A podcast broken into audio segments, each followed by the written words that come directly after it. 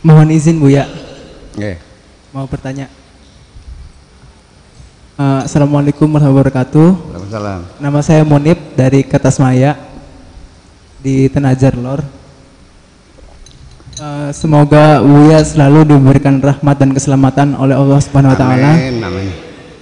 Eh, sebelumnya Buya, saya sedikit menyimak kajian tadi tentang sholat yang diuraikan oleh Buya mengenai sholat adalah sebuah konsep dan sedikit mengurai tentang sholat khusyuk yang didefinisikan sebagai sholat yang diimplementasikan dalam kehidupan sehari-hari. Nah, di sini pertanyaan saya, menurut Buya, seperti apa sih definisi sholat itu sendiri? Oke, terima kasih. Sekian dari saya. Wassalamualaikum warahmatullahi wabarakatuh. Salat itu yang paling substansial adalah doa. Ya. Makanya as-salatu lughatan ad-du'a wa syar'an af'alun wa aqwalun muftatahatun bitakbir wa muftatamatun bit taslim. Kan gitu di fikihnya tuh. Ini saya juga baca kok. saya juga santri. ya kan gitu. Ya seperti itu.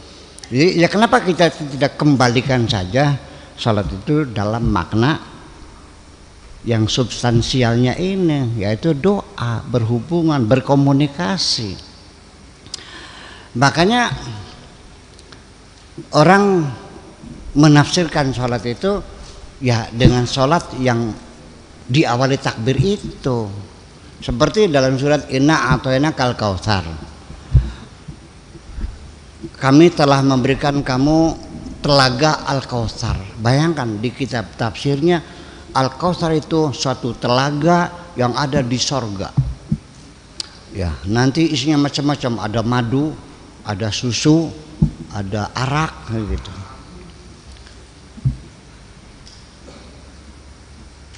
Inna a'tayna. A'tayna. Fi'il madi apa fi'il mudhari jadi sudah atau belum? Allah memberikan kausar kepada kanjeng Nabi. Sudah atau belum? Ya sudah dong. Gimana lagi? Kok sampai ke surga-surga sih? Ini kan jadi pertanyaan. Siratal mustaqim kan di sini. Jalan lurus. Yang benar. Kok sih jembatan di neraka? Gimana lagi ya ini kan ini kita masih maklumi. Tapi ya saya tidak menyalahkan lah ya udahlah. Saya juga dapat ilmu juga dari mereka juga kok. Cuman bedanya kan saya berani mengkritisi kamu kan tidak. Salah aja. Oke. Kausar ini bukan bahasa Arab ini bahasa Ibrani. Dari kosher. Kosher itu sertifikat keahlian artinya orang yang diberi surat keterangan bahwa dia punya punya talenta punya multi talenta ya iya. Ya main gitar bisa piano bisa ngaji bisa ceramah bisa. Apalagi e, matematika bisa fisika bisa. Duit banyak sakti iya kan gitu. Kan multi talenta kosher dari kata kosher.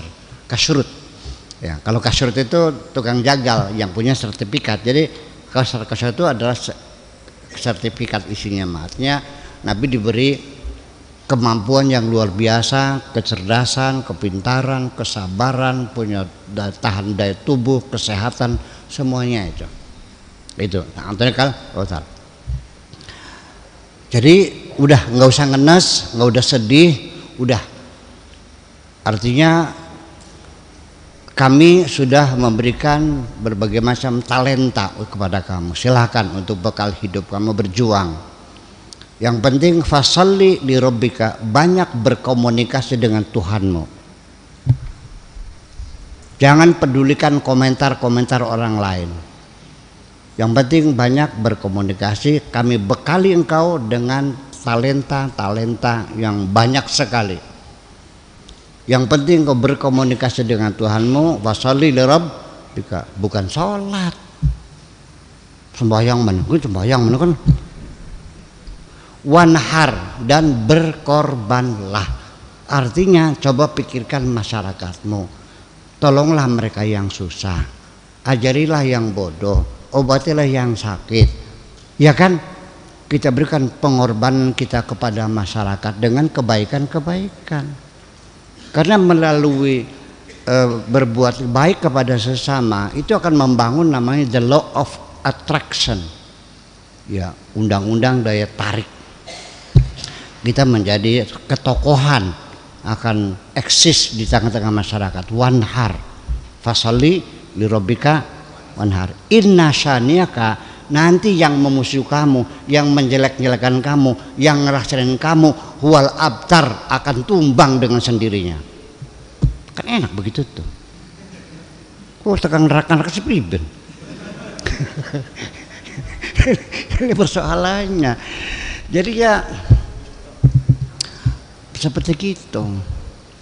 Jadi artinya begini, uh, mereka menafsirkan Al-Quran pada zaman itu. Tapi pertama kali tafsir atau bari di situ Israiliyat, hurufat, ya kan hadis-hadis doif masuk semuanya. Yang penting asal mengurai, jangan disalahkan, ya kan begitu. Nah kita sekarang sudah teknologi, sains teknologi semakin maju, kita punya alat yang lengkap, ya kita bedah lagi dong. Memang nggak boleh menafsir Al-Quran. Memang nggak boleh. Ini Quran untuk kita kok, masa nggak boleh dibedah, dibedah lagi. Nah itulah makanya itu sekira seperti itu maksudnya. Nah kita kembali tadi yang lupa saya uraikan, seperti ketakwaan tadi itu apa tadi itu? melaksanakan segala perintah Allah Al-Quran menjelaskan orang bertakwa itu alladzina yu'minuna bil ghaibi ghaib itu apa ceritanya sorga neraka malaikat eh kalau sorga mah bukan gaib yang kita akan masuk ke situ yang masuk kelihatan enggak sorganya bidadari kelihatan enggak jadi gaib bukan Bukan. Di sini ghaibun dengan ghaibun itu beda. Haji Ahmad datang enggak? Enggak. Ghaib. Artinya enggak datang, enggak hadir. Itu ghaib. Kalau ghaibun itu artinya yang tidak bisa ditangkap oleh panca indera kan itu berupa konsep.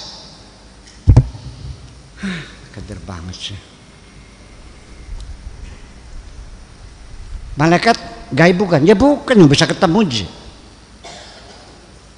Cih. Jadi gaib itu sesuatu yang sifat konsep-konsep.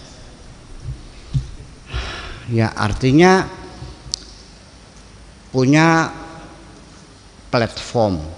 Orang yang bertakwa itu orang yang hidupnya punya platform, punya visi dan misi, punya gagasan, punya tujuan, punya pidato politik, punya target, betul enggak? Punya cita-cita. Jadi terarah semua perbuatannya itu. Tidak kayak pedet ke gawang garu. Yang ke mana ikut ya, ya avanturis kan gitu, avanturir semuanya itu, pragmatis. Mana yang menguntungkan nggak bisa orang bertakwa orang yang punya prinsip, punya tegas, punya tujuan jelas. Artinya pengen hidup di demokrasi Demokrasi itu gaibun. Gaibun. Kayak apa makhluknya demokrasi itu nggak ada itu konsep. Di mana terciptanya suatu kebebasan individu, kebebasan masyarakat, kebebasan berbicara, kebebasan berekspresi. Iya, negara yang melindungi warga negaranya. Ya itu demokrasi. Dari mana tahunya? Nah, negara kita ini sudah kelihatan tanda-tanda kedemokrasiannya di mana orang boleh demo, betul nggak? Orang boleh mengkritisi presiden, boleh kok, sekarang nggak ditangkap kok. Betul nggak? Itu di ISC itu kan mereka sudah tidak takut, nggak ada takut lagi mengkritiki presiden. Ya karena kita sudah demokrasi. Asal cuma yang sopan aja lah gitu aja kan. Iya nggak ada masalah. Menyebabkan kesalahan boleh kritisi, tapi jangan mencaci maki dong gitu aja pakai etika juga.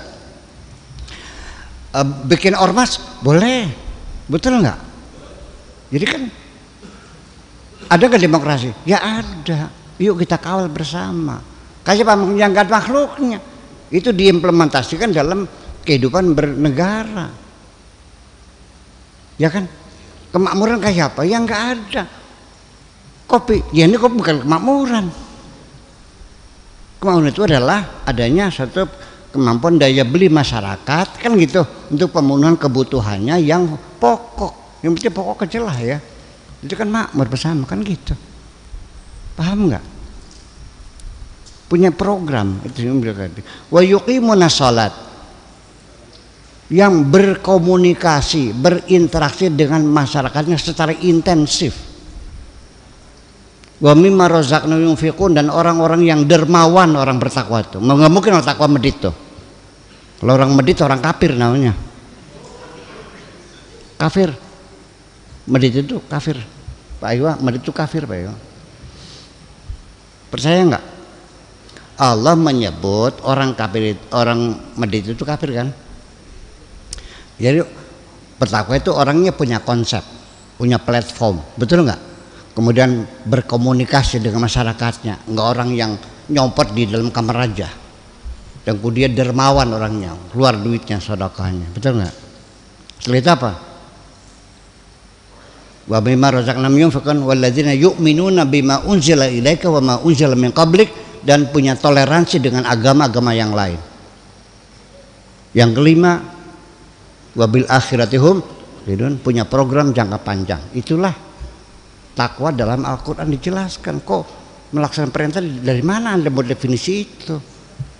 Jadi pertanyakan dong. Jelas mana? Kata Allah atau kata ulama? Ikut mana? Terserah kamu. Ada yang ngotot? Boleh. Ya silakan aja apa-apa. Kalau memang itu membahagiakan dirimu silakan aja kalau anda sudah merasa bahagia gitu ya udah silakan aja tapi nanti pada di penghujungnya bahwa orang yang rajin sholatnya sekalipun tetapi ketika keadilan sosial tidak menjadi kenyataan banyak anak yatim terlantar banyak makir miskin kelaparan maka sholatmu akan dibayar dengan neraka well oleh Allah setuju nggak? Iya jadi ya, Islam itu bukan ritual bukan. Ritual itu sholat jahat itu hanya exercise latihan. Sama seperti Pak Iwa memimpin kalau hari Senin ya apel, apel bendera ya. Kan hormat bendera. Itu bukan menyembah ber, menyembah bendera bukan. Menanamkan cinta tanah air kepada kita paham enggak hormat bendera kan gitu. Itu bukan nyembah ini ada isu. Itu musyrik nyembah. Ya itu salah semacam itu. Jadi ya kisah sendiri jadi menjadi sulit untuk berbicara lebih bebas di tengah masyarakat. Masyarakat yang memang seperti itu. Selalu salah paham selalu salah paham. Jadi ya bagaimanapun ya kita harus berjiwa besar juga. Ya fasfah anhum wakul salam. Ya kan selesai itu aja. Ujungnya apa? Emang juga pikirin